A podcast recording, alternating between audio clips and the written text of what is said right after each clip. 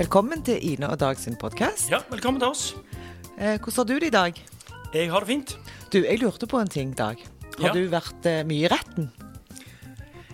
Um, Har du vært i fengsel? jeg, jeg har faktisk ja, Det kan vi komme tilbake til. Jeg, jeg, nå, nå var du rett på sak.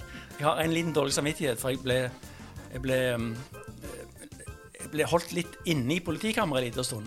Helt til de fant ut at det ikke var noe å bry seg om. Okay. Men da var jeg 16 år. Da var du 16 år, Ja, ja. det var noe tull. Det er noen år siden. Men jeg har ikke vært i retten. Jeg har aldri liksom, sett sånn eh, klubber foran meg og fått en, en dom eller noe sånt. Det har jeg aldri gjort. Men det er bra.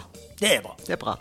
Men vi har en som har vært mye i retten på besøk i dag. Ja, jeg tror han har vært et par ganger i retten. Ja.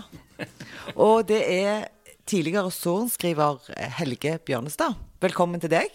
Takk for det. Velkommen, ja. Takk, takk. Ja. Eh, du har eh, Altså, du er jo kjent for, for mange ting, da, men, men de fleste av oss kjenner deg kanskje best som, som sorenskriver. For det har du gjerne vært i hvor mange år? Ja, sorenskriver har jeg vært i 15 år, Ja. og dommer har jeg vært i 35. Så jeg har vært på tinghuset fra 84 i rettsvesenet, altså. Ja. Før det så var jeg statsadvokat. Sånn, så jeg har jo en lang fartstid. ja. Men du har jo òg vært politi. Ja, jeg har det. Ja. Ehm, og det er jo spennende egentlig, fordi at jeg har jo jobba som tjenestemann i politiet. Ehm, etter politiskole øh, så jobba jeg en del år som det, så jeg har erfaring fra rennesteinen. Og fra eh, liksom selve grunnplanet i politiet har jeg erfaring fra. Og ehm, etter jeg hadde jobba der noen år, så fant jeg ut at eh, jeg hadde lyst til å gjøre noe mer. Ikke det at jeg ikke likte meg, men jeg hadde lyst til å gjøre noe mer. Og jeg så jo det å gå løs på et juridisk studium så jeg jo som, som det jeg hadde, hadde lyst til. Og, og, men det var ikke bare enkelt sånn uten videre. Jeg hadde kone, og jeg, vi hadde en liten datter, og et hus hadde jeg. Og, og eh, jeg spurte departementet den gang om jeg kunne få permisjon. Ja. Sånn at uh, skulle det gå dårlig, og skulle du bli syk, så hadde du noe retrett og sånn. Nei, det kunne jeg ikke få. Jeg kunne bare få et studentskift i Oslo, men jeg, måtte, jeg fikk ikke noe permisjon.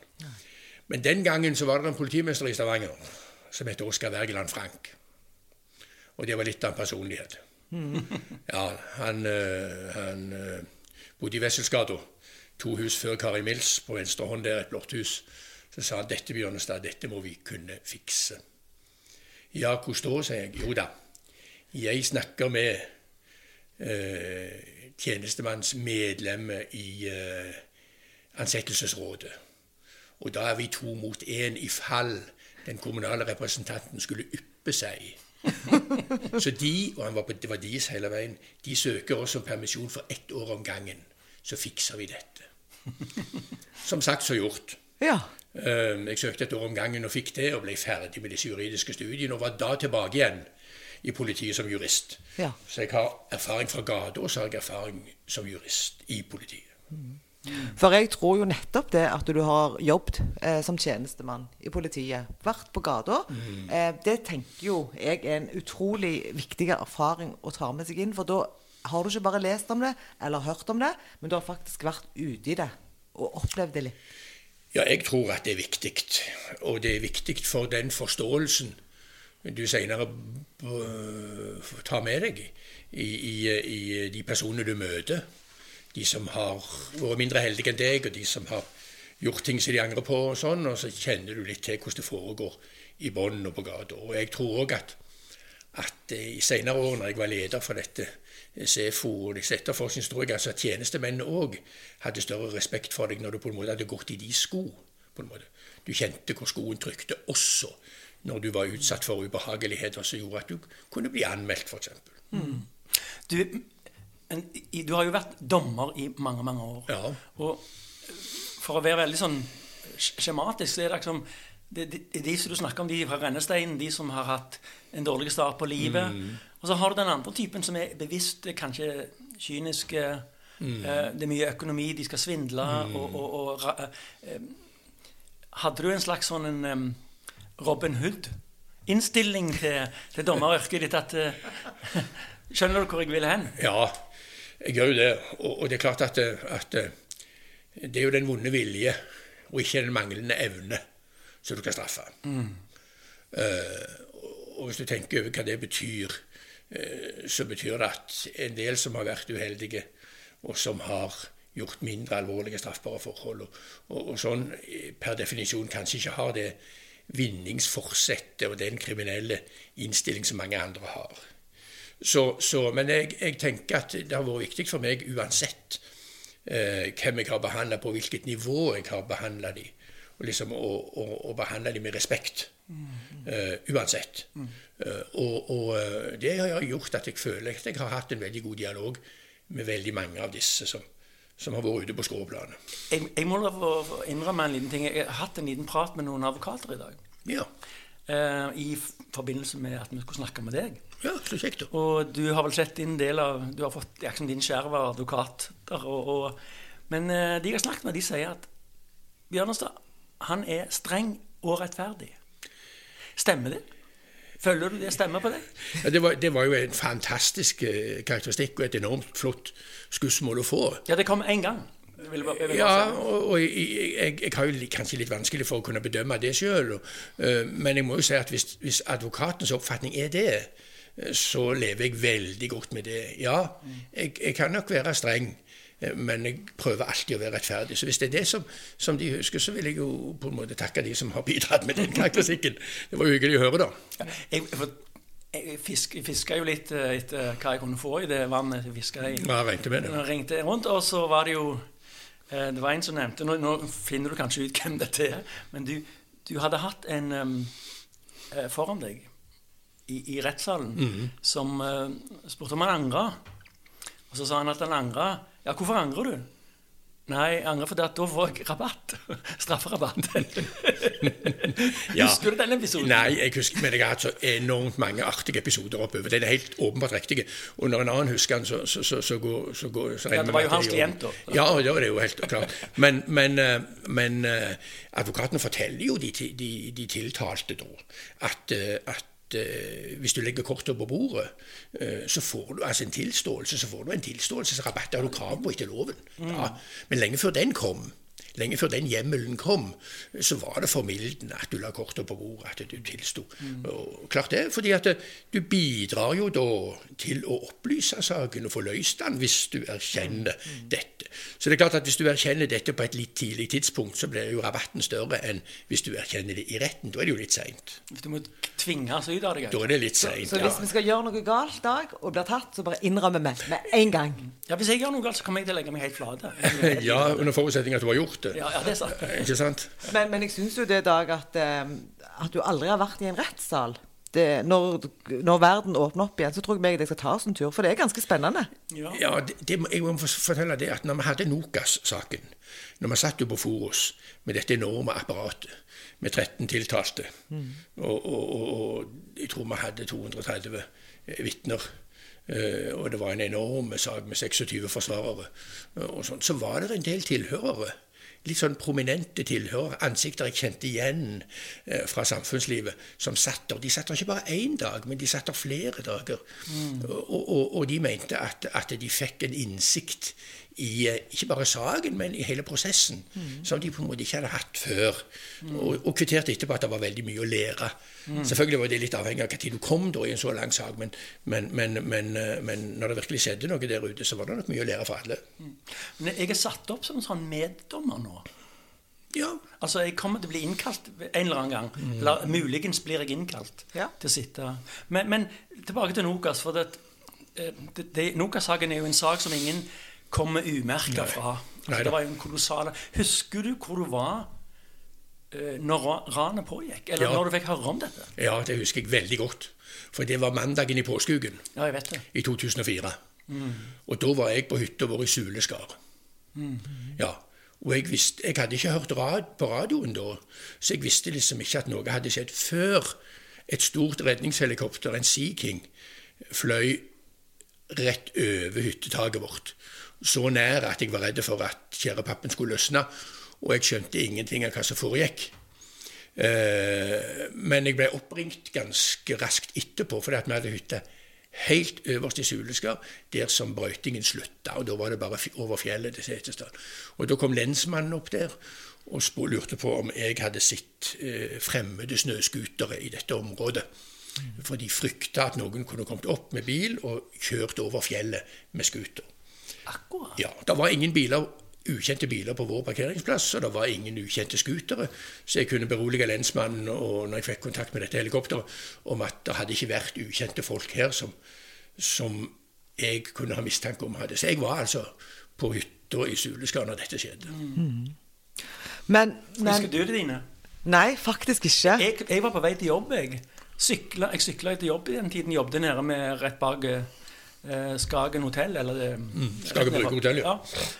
Og så kom jeg på vei ned Kleiva, og så tok den vanlige svingen forbi torget, og så merket jeg at det var stor ståhei, og Mm. så tenkte jeg, ja, det er sikkert bare noe et eller annet. Jeg, jeg trodde det bare var noe tullball. Ja. Og så kom jeg på jobb, og så gikk det da en halvtime, så skjønte vi jo at alle etatene var på. Jeg, jeg bodde jo i Bergen på den tida. Ah, ok. Men, men, men jeg fikk det jo med meg etter hvert, men ikke sånn som dere to. Ja, nei, det var, når du sier at folk trodde, trodde ikke at det var noe alvorlig, så kan jeg jo fortelle at et av vitnene eh, som gikk rett over plassen og gikk inn i sparekassen hvor vedkommende jobba, trodde jo at dette var en form for militærøvelse. Ja. Og hun gikk rett, rett forbi der hvor det ble skutt med skarpt. Det ble skutt med skarpt fra denne kirkeruinen gjennom vinduene eller, eller der i det gamle Hennes og Mauritsbygget, og rett opp i murpussen over, over eh, minibanken. At der sto en mann og tok ut pengene, så fikk alt murpussen ramlende ned på seg, og skjønte ingenting. Og de i SR-Bank de skjønte ingen Jeg måtte spørre Når blomsterpottene, det spruta jord av blomsterpottene på utsida, når prosjektilene traff disse blomsterkassene på utsida, og jorden spruta, skjønte du da at det var noe annet enn øvelse? Nei. Så, så, så, så folk Det var jo et Guds under at det gikk så godt som det gjorde. Og at ingen flere ble skada. Ja. Det er nok en, en sak som altså, hele Norge vil jo alltid huske den. Og for deg som har eh, satt som eh, administrator i den saken, må jo den har gjort spesielt sterkt inntrykk. Men så lurte jeg òg på det om det er noen Om du har opplevd noen andre sånne dramatiske ting som, som dommer? Ja, så jeg har jo behandla et utall forskjellige saker. Fra de minste trafikksakene og nabokrangler til alvorlige drapssaker. Ja. Og, og, og overgrepssaker. Og de var de verste. Altså Drapssaker var gale. Selvfølgelig er det gale, men de overgrepssakene var verst. For der hadde du med uskyldige offer som over lang tid hadde, hadde vært pint og plaga av verste sort. Og det er klart at, at, at du kan ha mange alvorlige saker du kan ha baksa med, men, men de sakene der, de kjenner du altså. De kjenner du. Og, og kjenner jeg de som har sittet i, i alle disse årene i retten med disse sakene, så kan du tro at domsmennene kjenner det. Så, så de sakene er, er ganske belastende å, å administrere, for du får jo rullet opp alt. Ja. Hvis, hvis la meg si at jeg er innkalt retten i morgen eh, og, og, som meddommer. Ja. Eh, hva, hva råd ville du gitt meg? Hva, som, hva, eh, det, det ville jo vært første gangen da jeg Ja. har en sånn rolle. Ja, for det første, altså, Det å være meddommer det er en samfunnsplikt som er enormt viktig. Det er fastslått i loven at det skal være meddommer, og det er fastslått i loven at de skal være i flertall eh, i forhold til oss som er profesjonelle oppi dette. Sånn at det, for det første er det en veldig viktig jobb. Eh, og for deg så er systemet du vil, du vil bli møtt med et system hvor du blir innkalt litt før tiden. Altså du møter litt før tiden. Uh, og du vil få deg en prat med administrator i denne saken. Og du vil, få, du vil få en orientering om hva saken går i. Hva type sak er det. Men ikke hvilken sak. Eh, Jo, du- jeg- Det òg vil du få, og- det, det har noe med habilitet å gjøre. Ja, når, du får, når du blir innkalt, så vil partenes navn stå Ja. eh, på dette. Sånn at det, Oi sann, det er jo naboen min, her kan jeg ikke møte. Og gjør du beskjed om det med en gang. Men jeg, jeg tenkte mer på, på, på det du opplever. Du vil få en, et møte med administrator og den andre meddommeren på forhånd. Du vil bli fortalt hva saken gjelder. Du vet på forhånd om det er satt av én, to, tre eller fire dager, eller mer for den slags skyld. Det vet du. Um, og så vil du få en orientering om hva det går i. Sånn at du, du får en, en, et lite varsel og kan stålsette deg litt. Men, men, men når alvoret ruller inn over deg, og, og, og disse som er involvert i saken, sitter noen få meter foran deg og forteller om de aller verste grusomheter, eh, så, så, så må du nok svelle et par ganger, tenker jeg. Og det tror jeg er bra. Det er normalt. Det skal du gjøre, altså. Ja, det, det, det. Og verst er det jo da når det er barn og unger som er inne i bildet. Og svært ofte i overgrepssaker så er det jo det. Så, så, så eh, det er jo en belastning for alle som, som, som etterforsker disse sakene, og som fremmer de for retten, og ikke minst for oss som avgjør de. Men verst, verst har de jo selvfølgelig de som er direkte involvert. Ja. Selvfølgelig. Men, men eh, hvis jeg skal utfordre dette meddommersystemet litt, ikke Ja. sant? Um, for jeg òg sitter som meddommer i dag. Meg og deg har ikke snakket så mye om dette, meg og deg. Men har du vært inne Ja. Og, jeg- Mange, ga mange ganger. jeg ble Men, men i hvert fall Um, Det jeg tenker eh, og det som jeg opplever, at du kommer inn i en rettssal, så møter du denne dommeren, administratoren, som egentlig er litt myndige og kan loven opp og ned. Eh, og jeg tenker at det, altså, der stilles ikke så store krav til meddommere. Ikke sant? Det er vanlige folk. Men jeg har jo noen tanker om at allikevel så burde det ha vært noen krav. Ja, det er jo interessant. For det første så, eh, så må du ikke være straffa for alvorlige straffbare Ja. handlinger Ja. nær opp til forhandling. Altså, Ja. Alle kan få en trafikkbot. Alle kan gjøre en, en, en dum ungdomsting. Eh, som du, Dag, som ble innbrakt. bare. Du ble ikke arrestert engang, du ble bare innbrakt. Eh, eh, de ble ikke engang i, straff, kom ikke engang i strafferegister. Men du kan si at utover at, at du, skal være oppegående og interessert samfunnsborger, som settes på en liste etter forslag fra kommunen Ja. Eh, og det er jo det, og så skal du være Så har det en verdi, det der, at, at du er en oppegående, interessert samfunnsborger. Eh, noe større fagkunnskap om det skal du egentlig ikke trenge. Ja, litt av greia er jo at du ikke skal ha um, Du skal ikke være fagutdanna.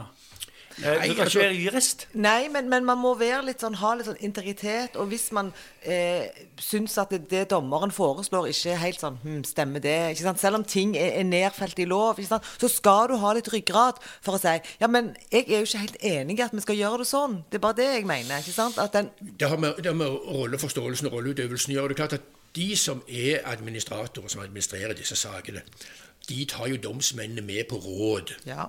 Ved å ta Ja pauser underveis, um, når det skal sies kjennelser eller, eller, eller beslutninger underveis, Um, så skal man jo være tre om det.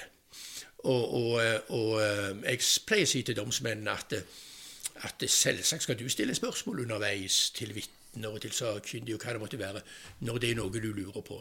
Men du kan godt gi meg en gul lapp rett før, for da kan jeg si til deg at vente litt med det.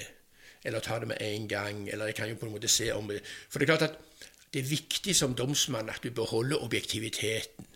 Jeg hadde en domsmann en gang eh, som var veldig eh, interessert, og som spurte mye. Men det er klart han, han, han, han innledet spørsmålsstillingen med 'min gode mann'. Si 'hør nå her'.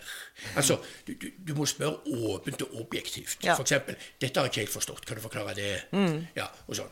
Eh, Det må ikke være sånn at du legger inn en forutsetning om at, at, at denne mannen er skyldig lenge før han er dømt og bevisene er ført. Så det har, dette kommer med trening. Ja, men jeg sitter jo og øh, Altså, hvis vi tenker på at vi har en sett med regler, lovene, så har vi en sett med fakta, og i en eller annen sånn skummel framtid, sånn George Orwell-framtid, så kunne jeg nesten hatt en robot som avgjorde ting. Altså i forhold til reglene og hva du har gjort. Og litt av eh, Det jeg prøver å si, det er at det, det at du er en udreven jurist som kjenner med hjertet, altså det at du føler litt på kroppen hva dette handler om, eh, hva urett som er gjort, og, og eh, Det er vel litt av det som er verdien. At Ja, du ikke er trent. Korrekt. Og det er dette legemannssynet, legemannsoppfatningen, som er veldig viktig. Eh, og når vi har domskonferanse etter forhandlingen er ferdig, Ja. uh, så pleier jeg å legge ned kulepennen og legge meg tilbake, lene meg litt tilbake. Så jeg OK, domsmenn. Nå har vi hørt det, og nå har vi hørt det, og nå har vi hørt det. Så må dere huske at skal vi kjenne den mannen skyldige, så må vi være bombesikre på at det er han som har gjort det. Det nytter ikke med noe sånn at det er nok han Nei, du skal være bombesikker eh, på at han har gjort det. Og, og, eh, og eh, så må vi vurdere disse bevisene, da. Og så må vi se på den tvilen som er her. Er, hva er den tvilen? Er det en oppkonstruert eller en reell tvil? Og, og, og, når vi da hører, når vi diskuterer dette, og sånn, så, så, kommer vi nesten Ja, det er veldig sjelden det blir dissens. til henne, Mm. Eh, men, men, eh, men, stort sett så blir vi enige om dette. Vi kjenner at det er ikke tvil om Etter vi har hørt det og det, den har sett det, den har hørt det, har vi dokumentbevis. Det er ingen andre. Det er klart det er han eller hun som har gjort det. Mm. Mm. Men det er utrolig viktig at det begrunnes skikkelig. Ja. Sånn at, eh, at, eh, man får en skikkelig begrunnelse for uh, hvorfor man er funnet skyldig. Mm. Og med den begrunnelse så kan man jo beslutte at man vil anke etterpå, f.eks. Hvis man mener at det er det. Og det var det det må jeg nesten få si noe om, for det var det som gjorde at jeg aldri slo meg til ro med denne juryordningen. Mm. En ting er meddommere, mm. men i juryen så satt det altså ti stykker. Og de skulle bare svare ja og nei. Og da klarte jeg aldri Og jeg hadde jo, jeg hadde jo praksis som statsadvokat mm. før jeg begynte i dommeryrket. Da var det jeg som var aktor i disse sakene. Og jeg eh, Etter en lang bevisførsel så fikk denne juryen et spørsmålsskrift. Mm. Og der står det at det skal svares ja med mer enn seks stemmer, eller nei ellers. Og da hadde vi jo et tilfelle som jeg aldri kommer til å glemme, hvor en mann blei ble, eh, frifunnet i byretten, altså tingretten, som var instansen, instansen under lagmannsretten, mm. med en lang begrunnelse. Det var jeg som skrev begrunnelsen sammen med domsmenn. At vi sier ja, det kan godt være han som har gjort det. Det kan godt være han som har gjort det. Men det er tvil her. Mm. Så, og vi skrev hvor tvilen var hen, og hvorfor vi var i tvil. Så skrev vi nei, etter dette så må vi frifinne vedkommende. Det er ikke bevist nok. Mm. Så anka statsadvokaten til lagmannsretten denne saken. og Det var en såkalt seks pluss, altså en sak med strafferamme med mer enn seks år. Mm. Så den skulle behandle for jury. Og så gikk saken på ny. Og da var det en jury som skulle avgjøre. Da fikk de, etter lang, mange dager i retten, så fikk de et spørsmål om han var skyldig. Øh, ja, med mer enn seks stemmer. Så svarte de ja. Så fikk han ti års fengsel. Tenk dere hva som skjedde. Han ble frifunnet med begrunnelse, og han ble dømt uten. Mm. For det var bare et ja fra lagretten. Vi vet aldri hva de la vekt på. Men eh, eh, denne juryordningen som er på en måte en, et ikon som har sett på tusenvis av filmer hvor de sitter og, og advokatene går frem og tilbake foran juryen og mm. prøver å overbevise dem.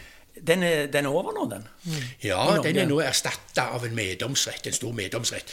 Det er med legdommer i flertall, mm. men nå er det fire legdommere og tre Hvordan er det i, i, USA, der hvor de filmene blir ja, nei, vet, Der er det jo et helt annet system. Men mm. hos, hos, oss så er det altså sånn nå at avgjørelsen av skyldspørsmålet i alle rettsinstanser, bortsett fra i Høyesterett Avgjørelsen der den er et produkt av legfolkene, meddommerne og fagdommernes diskusjoner. Mm. Så når du, hadde, når du hadde dette skyldspørsmålet eksklusivt som avgjørelsestema for lagretten, så var det en del uberettigede frifinnelser. Men det er jo bedre at ti uskyldige eh, frifinnes, ti, ti, skyldige frifinnes enn at en uskyldig blir dømt. Men, men det, var, det, var, ganske påfallende. Eh, og jeg skjønner jo godt Hvis jeg sjøl skulle prosedere som forsvarer, så ville jeg jo mye mer prosedert for en jury enn jeg ville for en meddomsrett, som var en kombinasjon av fagdommere og meddommere, legdommere. Mm. Så, så, forsvarerne var eh, med enkelt unntak veldig glade i å prosedere for, mm. for, for, for, en jury. Jeg, jeg, jeg, eh, tenker på et annet sånt um, Et ord som jeg um, har hatt litt på netthinnen i dag. Netthinnen er vel feil. Men det er jo dette med justismord. Altså at folk blir dømt for ting de ikke har gjort. Um, hva tror du om, om din egen yrkeskarriere? Uh, jeg vet ikke om det er ja. et dårlig spørsmål. Det, Nei, spørsmålet er kjempegodt. Jeg, er, eh, har du en jo... følelse av at det har skjedd det i din karriere? Nei, jeg har ikke det. Uh, og, men du kan jo aldri Du kan jo aldri utelukke det. Og, og, men med, det, med, med, de ankemulighetene vi har, og de gjenopptakelsesmulighetene vi mm. har, så håper jeg inderlig at jeg ikke har Jeg har i hvert fall ikke i ettertid uh, blitt forklart det. Men det er klart vi har jo Vi har jo dømt folk som senere er blitt frifunnet i lagmannsrett, f.eks. Mm. Det er jo, det er jo uh, Ja. Og det var en del av. Og det, det skjedde inn, i, for eksempel hvis det var en jury i lagmannsretten, og det var en, en, en, en meddomsrett i tingretten, så kunne det hende. Så kunne det hende. Men det var jo en rettssikkerhetsgaranti. Og det, det eh, Vi mente selvfølgelig at, at vår avgjørelse var korrekt, basert på som lagretten som hadde det eksklusive eh, avgjørelsesmyndighet her på, på skyldspørsmålet, sa da nei. Og det måtte vi leve med. Ja. Ja. Men det var et, eh, et intervju med deg i Stavanger Aftenblad 14.12.2019 som hadde en sånn utrolig fin overskrift. Som gikk rett inn i hjertet mitt. da. Sosialarbeiderhjertet mitt. Eh, alle fortjener en ny sjanse i livet. Ja, jeg husker jo Det var vel den, den turen hvor vi gikk rundt Randaberg. Randaberg rundt, og jeg tror jeg hadde med denne hunden til doktoren min. Ja. Ja. Eh, det var kanskje der, der det sto. Nå er jo han ekstremt flink i å skrive disse. Han, eh, han eh, Jeg husker ikke hvem som skrev den. Jo, det er jo han som har, som har alle disse. Men det er nå så. Anders Minge? Nei, nei, nei, det er han som bor på Jæren. Men, men som har alle disse intervjuene. Og, og, men, men ok, alle fortjener en ny. Ja, altså det, jeg- det, jeg- det jeg er opptatt av der, det er at har du gjort noe galt og er blitt dømt for det, og har sona, eller du har betalt din bot, eller du har sona, så har du på en måte krav på å bli null, få nullstilt dette. Ja. Ja, da er vi ferdige med det. Du har gjort opp og betalt, og du fortjener en ny sjanse. Det må ikke være sånn at du aldri blir kvitt, at du aldri kan få gjøre opp for deg. Uh, og, og, eh, og eh, det er jo andre ting jeg òg har, har benytta dette med at alle bør ha en lik sjanse i livet. Det er ikke alle som var så heldige som oss, som ble påpasset når vi var små. Passet på at vi gjorde lekser, at vi kom inn om kvelden, og at vi gikk på skolen. og, og alt mulig sånt. eh, Så, så, men det var andre som ikke hadde et sånt regime, og mange av de stifta jeg god bekjentskap med i andre sammenheng. For eksempel når jeg var leder av denne her oppreisningskommisjonen for barnevern. Altså for de som hadde opplevd øh, overgrep og Ja. omsorgssvikt øh, når de var tatt hånd om av barnevernet. Ja, fram, og den, altså, fram til 1993. Ja. Ja. Og, og det var to runder i det regimet der. Og det var, var øh, Jeg ble bedt om å ta denne, denne kommisjonslederjobben av daværende ordfører Hetland. Det var Stavanger kommune som, som, som spurte om jeg kunne, kunne påta meg å være leder for det. Eh, og det skulle være fort gjort, en liten jobb, men vi brukte altså fire-fem år og vi behandla 900 saker. Så det var verken fort gjort eller særlig enkelt. Men det var, det var eh, en krevende jobb som måtte gjøres, og det var jo givende da. Så det var kommunen som igangsatte det? Altså. Ja, dette var, dette var en, en ordning, en erstatningsordning, som kommunen tok ansvar for, nærmest sånn ex gratia. Altså de foreldelsesfristene var for lengst inntrådt, og, og alt sånt, men kommunen tok det ansvaret og, og nedsatte en sånn kommisjon som behandla Vi hadde et eget sekretariat som behandla 900 saker, og som påførte kommunen 300-400 millioner i, i, i, i utgifter. Men det var altså oppreisningserstatning. Eh, som et lite plaster på såret for det de hadde opplevd. Jeg tror du sa ordfører Hetland, men han var rådmann. Han var rådmann. Ja, bare sånn at ikke, folk, vi ikke har noe Ja, ja, e-post man, man må få frem han til, til, til ordfører. har ikke gjort det. Men, men uh, dette her ble avslutta i 2016. Ja. Ja. Siste runden tror jeg var da, ja. ja. Og så har vi jo hatt den, eh, den Mona-saken, og hun har jo vært en av de som har kjempa for at vi skal ha et sånt nasjonalt Stemmer det. eh, Og det er det en ildsjel i Stavanger kommune som heter Kai Stene.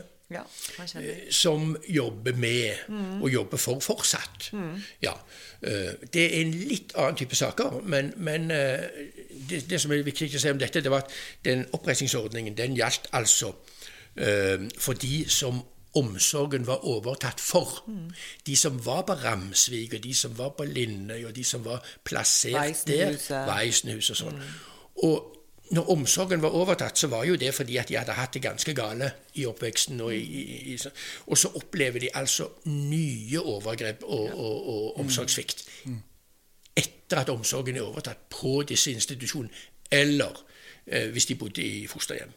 Um, og de fikk altså erstatning. Den andre saken du nevnte fra Sandnes, det var jo de som omsorgen ikke ble overtatt for, men som kommunen visste hadde det ganske forferdelig. Men, men syns du Tenker du, eh, Helge, at, at vi burde hatt en sånn en ordning fortsatt i Stavanger kommune i dag? Ja, jeg tror nok det. Kai Stene jobber med en viktig sak. Og det er klart at, at eh, kommunen hadde manglende kapasitet til tider, og kommunen hadde kanskje eh, ikke nok personale, kanskje ikke nok interesse til faktisk å gå til det skritt og begjære en sånn omsorgsovertagelse for de som hadde det galt. Kommunen visste at mange hadde det vondt. Naboer visste at mange hadde det vondt. Eh, Men jeg tenker at når, omsorgs, altså når kommunene vet det, og på en måte ikke gjorde noe, ikke satte inn noe, så, så kan det være grunnlag for å mene at det kvalifiserer til at de burde få en eller annen form for plaster på såret. Nå skal jeg komme med en liten Det var én en som Ja. kom til meg Sett i gang. og, så- ja, må bare ta det. Det var Ja. en som kom til meg og sa at Du, sa han, jeg er veldig lei for én ting.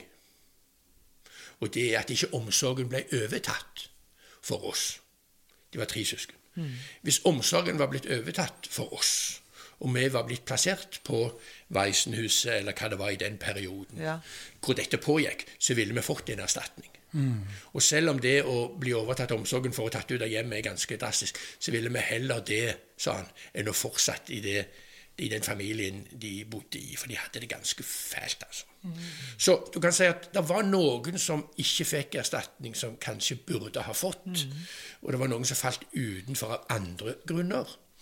Sånn at, eh, at, eh, at jeg tenker at det ville ikke vært dumt om man kikket på dette en gang til og så om det var noen kategorier som man kanskje hadde glemt. Jeg, jeg var i ferd med å si at jeg sitter med Jeg har jo aldri truffet deg før i dag. Nei. Men jeg sitter med følelse av at du har et ganske stort hjerte, og at du har ganske mye empati. Eh, hvordan er det å være dommer med Altså Hvis det stemmer, da. Du kan jo selvfølgelig si nei, det stemmer ikke. Men hvis det stemmer Jeg tror jeg kjenner mennesker litt. Men eh, er det, et, er det en utfordring for en dommer? Å sitte med den empatien? snarere tvert imot, tror jeg. Ok. Ja, jeg tenker at det bor noe godt i alle. Eh, Det er bare ikke alltid like lett å få øye på. Eh, og jeg tenker at, at eh, hvis du har liten empati, og hvis du ikke har evne å sette deg inn i de forholdene folk har hatt, levd under eller vokst opp i, så tror jeg du gjør en dårlig jobb. Enig. Jeg tror du, gjør en dårlig, du blir avflata, og du gjør en dårlig jobb. Og Derfor syns jeg disse meddommerne vi snakket om, de er med på å skjerpe oss hele veien. Vi har mange typer, mange saker som er veldig like, og sånn, men, men, eh, men eh, jeg tror at, at empati tror jeg, tror jeg er viktig, faktisk. Så, så meddommerne kan gi litt sånn ferskvareempati? Ja, ja, ja, ja, du- de kan det. Ja. Og en litt sånn, litt sånn, litt sånn, eh, sånn, sånn Hva skal du si? Sånn eh, dagliglivsempati og, og litt sånn de, de, de vil jo og av Men av og til er det motsatt. Av og til er det motsatt. er Liksom, eh, litt sånn disgusting og litt sånn avstand. Dette, at de kunne foreta noe sånt, det er jo helt forkastelig. Ja, send i fengsel. Ja, helt forkastelig. Og hvor lenge kan vi sette han i fengsel? liksom? Og, og, og sånn. Kan vi ikke straffe han strengere enn det? Og så er det noe sånn at du pleier å holde deg til den påstanden som fagapparatet som prosederer saken, altså aktoratet, kommer med. Det er som regel basert på praksis og Ja, ja. høyesterettsavgjørelser. Sånn, så, så, så du holder deg stort sett til normen. En skala, er det ikke det de kaller det for? Hmm? Er det ikke en skala? Ja, skala, Høyesterett har ganske klare, eh, klare eh, kriterier her. Okay. Sånn at eh, Selvfølgelig er det slingringsmonn, og ingen saker er like. Eh, og, og sånn, men, men, men eh, du holder deg til det nå. Men tilbake til empatien, så tror jeg det at hvis du ikke til en viss grad viser empati og forstår disse folkene, så tror jeg du gjør en dårlig jobb. Ja. Det tror jeg òg. Men, men du sier liksom alle fortjener nye sjanser i livet, og, og på en måte begrunner det med at eh, nå, hvis de har, har blitt straffa, og de har blitt dømt, og så har de gjort opp for seg, enten i form av fengsel eller betalt for seg Ja, så kan vi, vi tre som sitter her, si ja, men det er vi enig i. Men samfunnet generelt, ikke sant? Altså, det er lett å si, og jeg er helt enig i det, men, men jeg opplever jo at hvis man har vært straffa for ulike ting, så er det ofte vanskelig allikevel å få aksept Ja, i samfunnet igjen. Dessverre. Det er synd. Ja. Fordi at eh, vi har et apparat eh, som gir deg en straff for det du har gjort. Eh, og du gjør opp for deg. Du soner eh, din straff, og du betaler din brød. Og jeg tenker at, at da, da har du krav på å være ferdig. Du har krav på å få dette nullstilt. Og, og, og det er litt dumt da at, at folkedypet eh, på en, måte, på en måte ikke kan la, la det skje. Altså. Du ser jo det eh, mange ganger så spør jo folk eh, i noen jobber f.eks. så spør de til vandel. Ja, Og, og da er det, det er kanskje litt sånn, eh, litt sånn ekstra straff du skal få da. ja, men det er klart at, at Det er kanskje naturlig. Ja, I noen sammenheng så er det ja. greit med, med vandel, ja. uh, attester og slike ting. og noen plass, og det, det skjønner vi godt.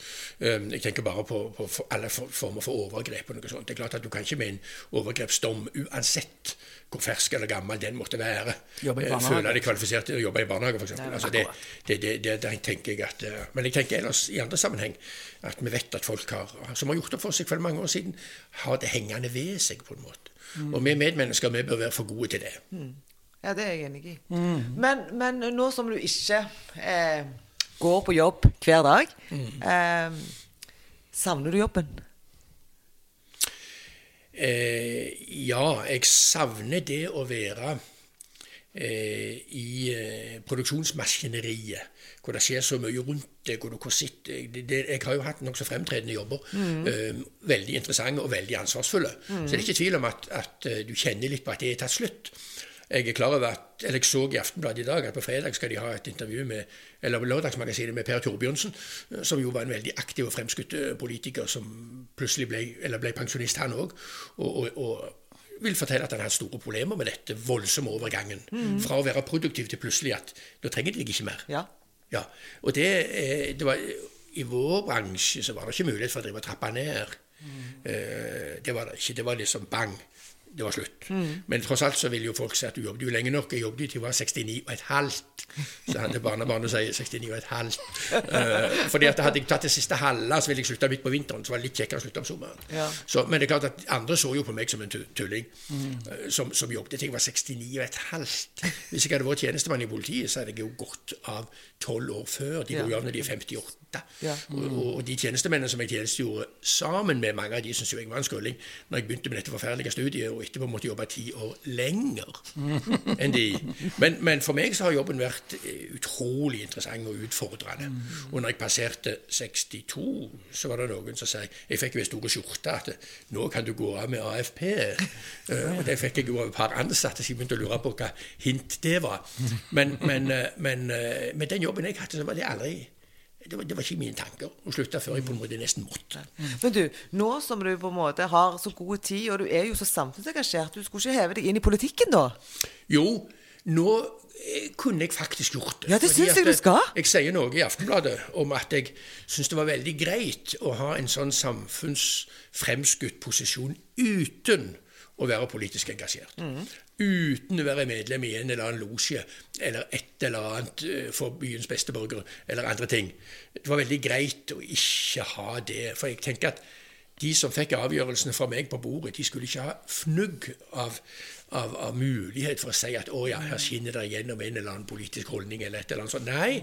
Så jeg synes, selv om det selvfølgelig ikke har vært tilfellet med de av mine forgjengere som har vært politisk engasjerte, som Olav Låke f.eks.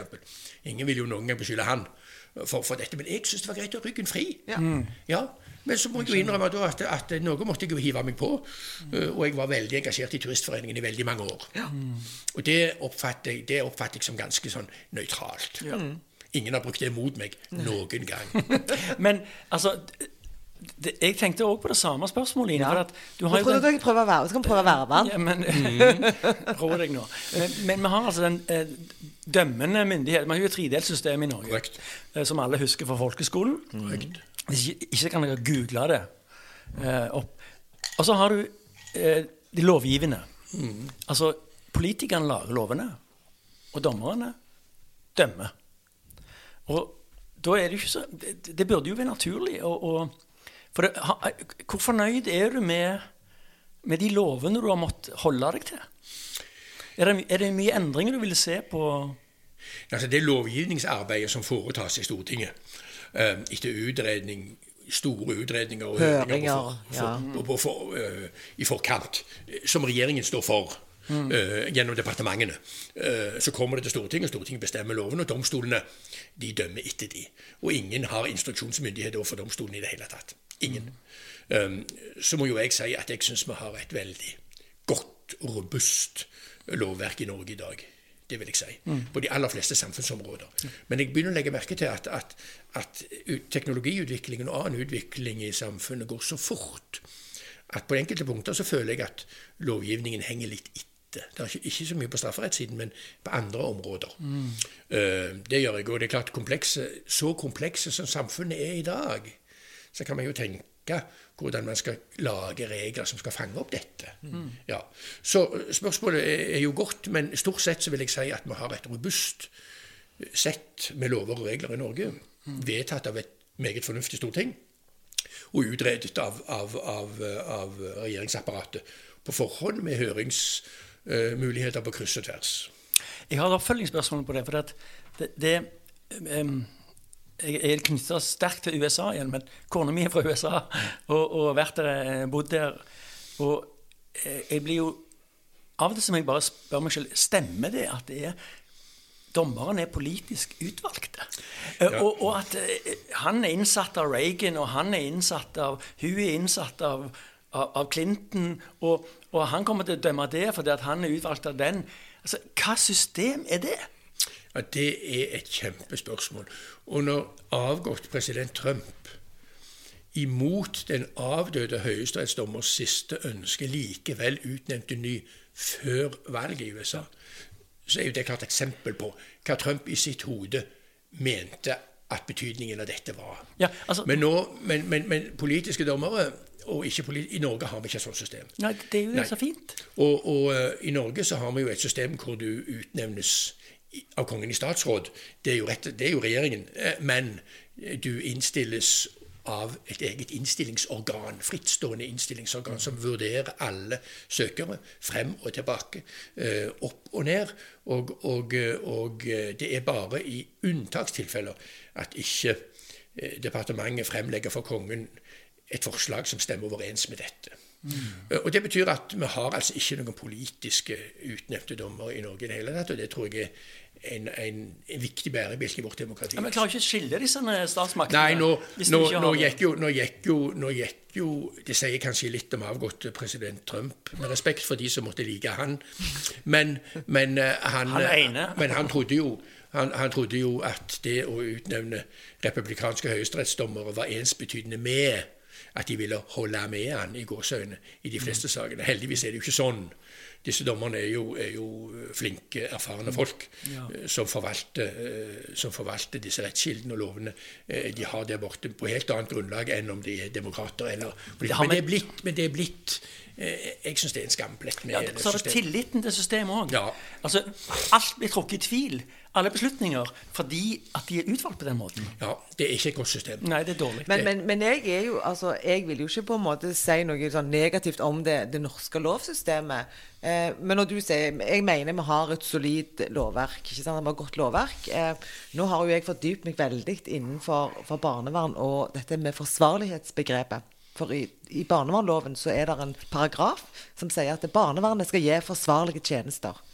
Eh, og ordet 'forsvarlig' det er så bredt, det er så vidt. Og så har jeg gått inn og lest på høringsnotater, eh, sånne lovproposisjoner. Og da ser jo jeg Da oppdager jeg mange ting som jeg syns er kjempedårlig. For det de mente i 2016 eh, Nå mener de noe annet, for nå er det en ny høring ute. Mm. Nei, for, for, i 2016 så mente de at nei, nei det var ikke kompetanse det, det sto på. Mens nå i det nye lovforslaget Nei, nei, nå er det kompetansekrav allikevel. Hva var det de ikke forsto da? Så jeg, jeg, tenker at i hvert fall innenfor barnevern og innenfor de lovene der vi altså, jobber kun med, med mennesker, og sånn som denne her eh, helsepersonelloven altså, De der er det mye forbedringspotensial, Helge. Ja, men nå er det sånn at du kan ikke definere alt gjennom en lov. Det må du eventuelt gjøre gjennom forskrifter med hjemmel i lov. Ja. Eh, I lov, eh, Lovverket kan være fullt av såkalte rettslige standarder. Ja. Typisk eksempel sånn. Mm. Og så kan forskriftene si noe om at med dette så mener vi bl.a.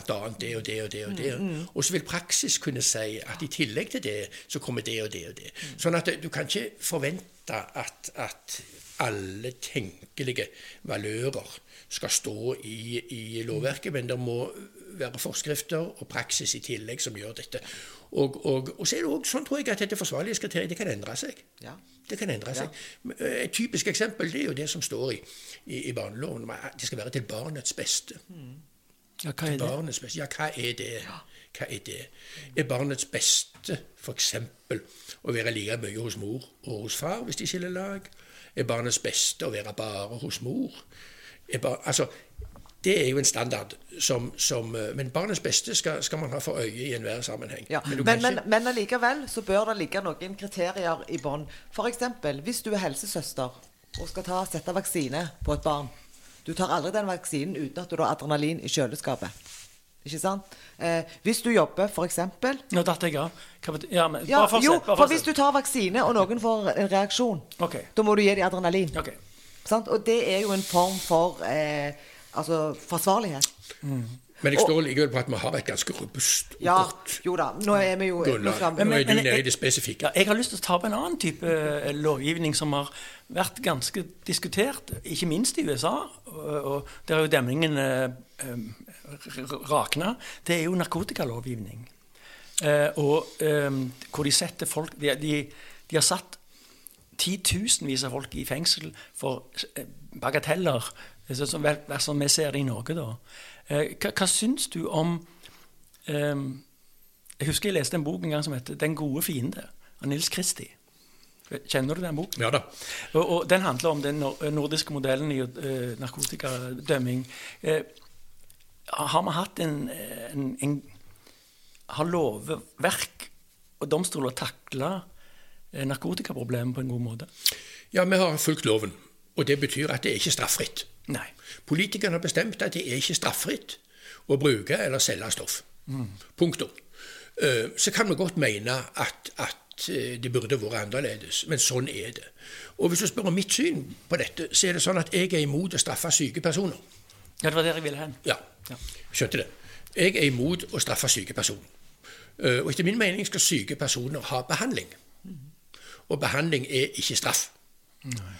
Og derfor så har jeg alltid syntes det har vært problematisk hvis saker fremmes mot såkalte rene brukere. Rene brukere. Eh, Men det er sjelden. For det som er situasjonen, det er at de som er brukere, de og det, det, de, de syns vi synd på, for de har det forferdelig. Og de har et avhengighetsforhold, og de har en form for sykdom, avhengighetssykdom. De gjør som regel noe i tillegg. For at de skal kjøpe dette stoffet, så stjeler de noe, de bryter seg inn, de gjør et eller annet gale. Så blir de tatt for det, og så henger denne bruken av dette stoffet øh, på en måte på. Eh, jeg mener jo at, at å reise sak bare på bruk, hvis det er til eget bruk, hvis det ikke er salg eller, eller videreformidling eller et eller annet sånt, så mener jeg at det er feil medisin. Jeg mener at ren bruk må straff, må, må, må hjelpe, man må hjelpe rene brukere ved noe annet enn straff, nemlig behandling. Ja. Og så har lovverket utvikla seg kraftig i min tid. Og jeg har vært dommer i 35 år. Paragraf 12. 35 år. Det har skjedd mye. For det første så har vi fått et behandlingsprogram for folk som er dømt for promillekjøring flere ganger. Lovgiver oppdaget jo til slutt at hvis vi dømmer en mann syv ganger på for promillekjøring, så kjører han jo den åttende gangen òg. Altså, du, du, blir ikke, du blir ikke kvitt et alkoholproblem fordi du blir dømt syv ganger. Altså måtte de gjøre, altså måtte de gjøre noe. Ikke første gangen, men etter en del ganger. Og Da blir man dømt til behandlings- og oppfølgingsprogram, som det er veldig gode resultater. Og så har man dette tidlig, at man kom inn tidlig mot ungdom. Man hadde samfunnsstraff eh, som man ikke hadde før. Så du kan på en måte som straff få tilbakebetale ved å gjøre noe fornuftig. Du kan bli idømt så og så mange timer samfunnstjeneste. Ja, det var jo et, et veldig fremskritt. Og det viktigste av alt, det er jo dette narkotikaprogrammet som domstolen nå kan idømme med oppfølging. Med oppfølging fra domstolen. Eh, og det er jo for de som, som er, har et alvorlig, langvarig eh, narkotikamisbruk. Da får du en dom. Du må gjennom et program, du må følge det opp, og dommeren kontrollerer dette ved rettsmøter underveis. Og de som da kommer ut av dette programmet med hodet høyt hevet, de har jo ikke bare gjennomført dette, men de har altså gjort, antagelig fått bukt med det som var grunnlaget for det at de gjorde noe galt. Så den type utvikling, både i form av promillekjøring og samfunnsstraff og dette siste eh, narkotikaprogram, dette er ting som er kommet de siste 20 årene, og som, som virkelig har hatt noe for seg, og som jeg har ment eh, kom altfor seint. Ja.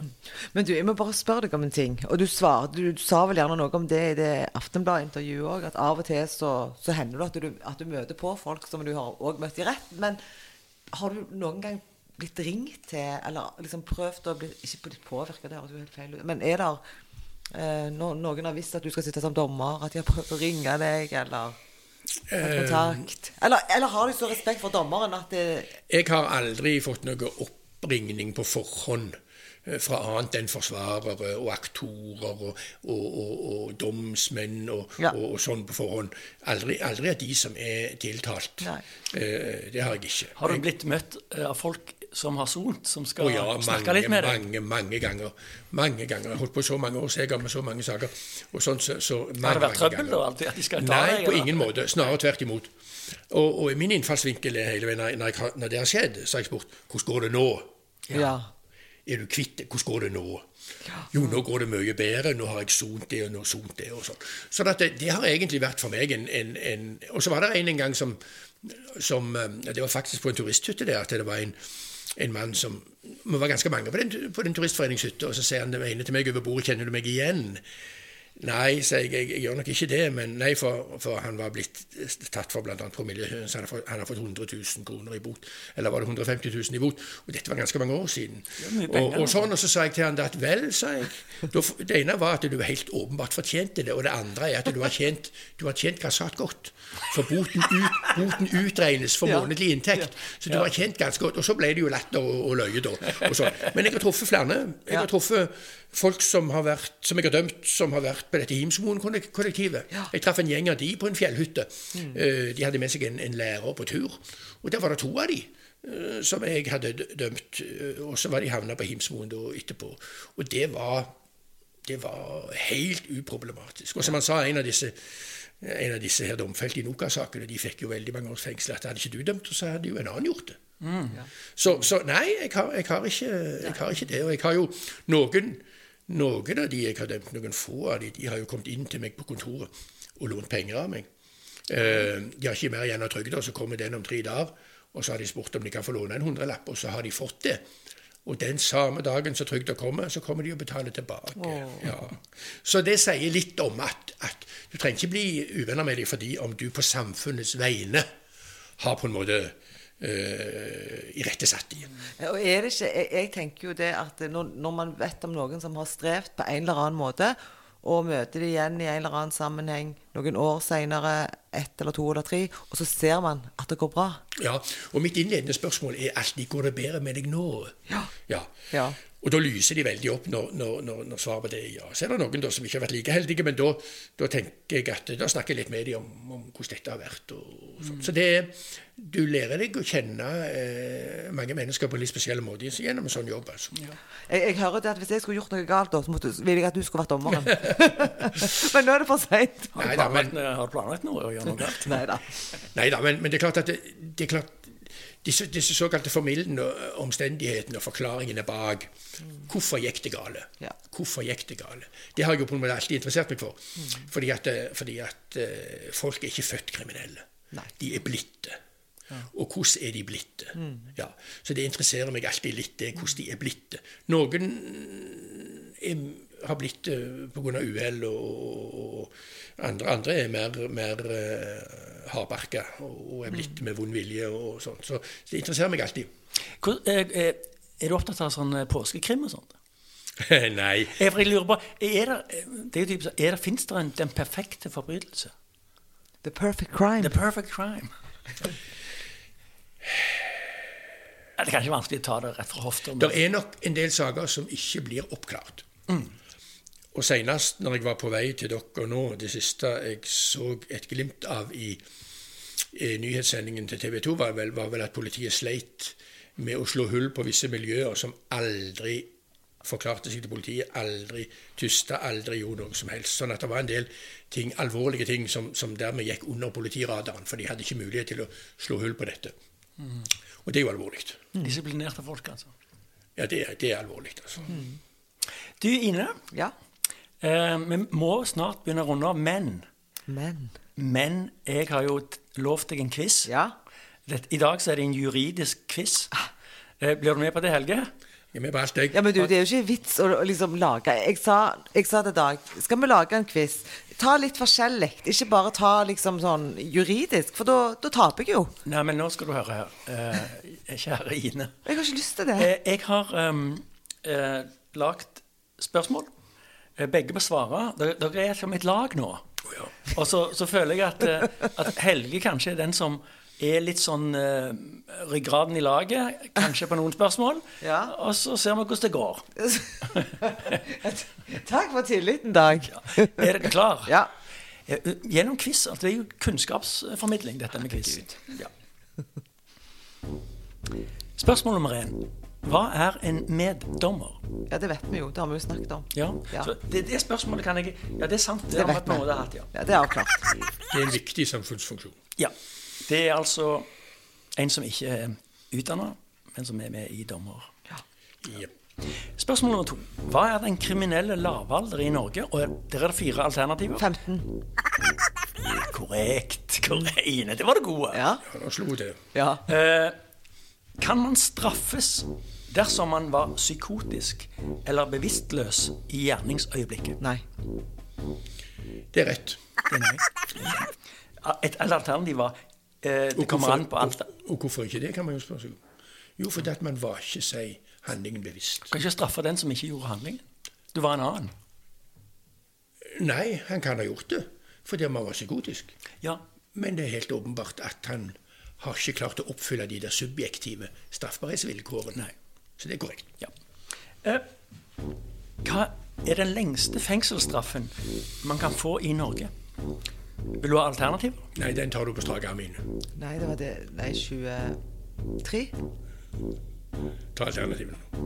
Eh, det, f- eh, det er altså 14 år, 21 år, livsvarig eller 30 år.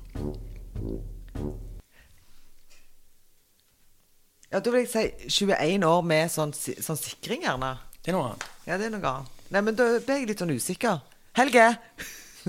Nei, jeg syns vi skulle gå for det.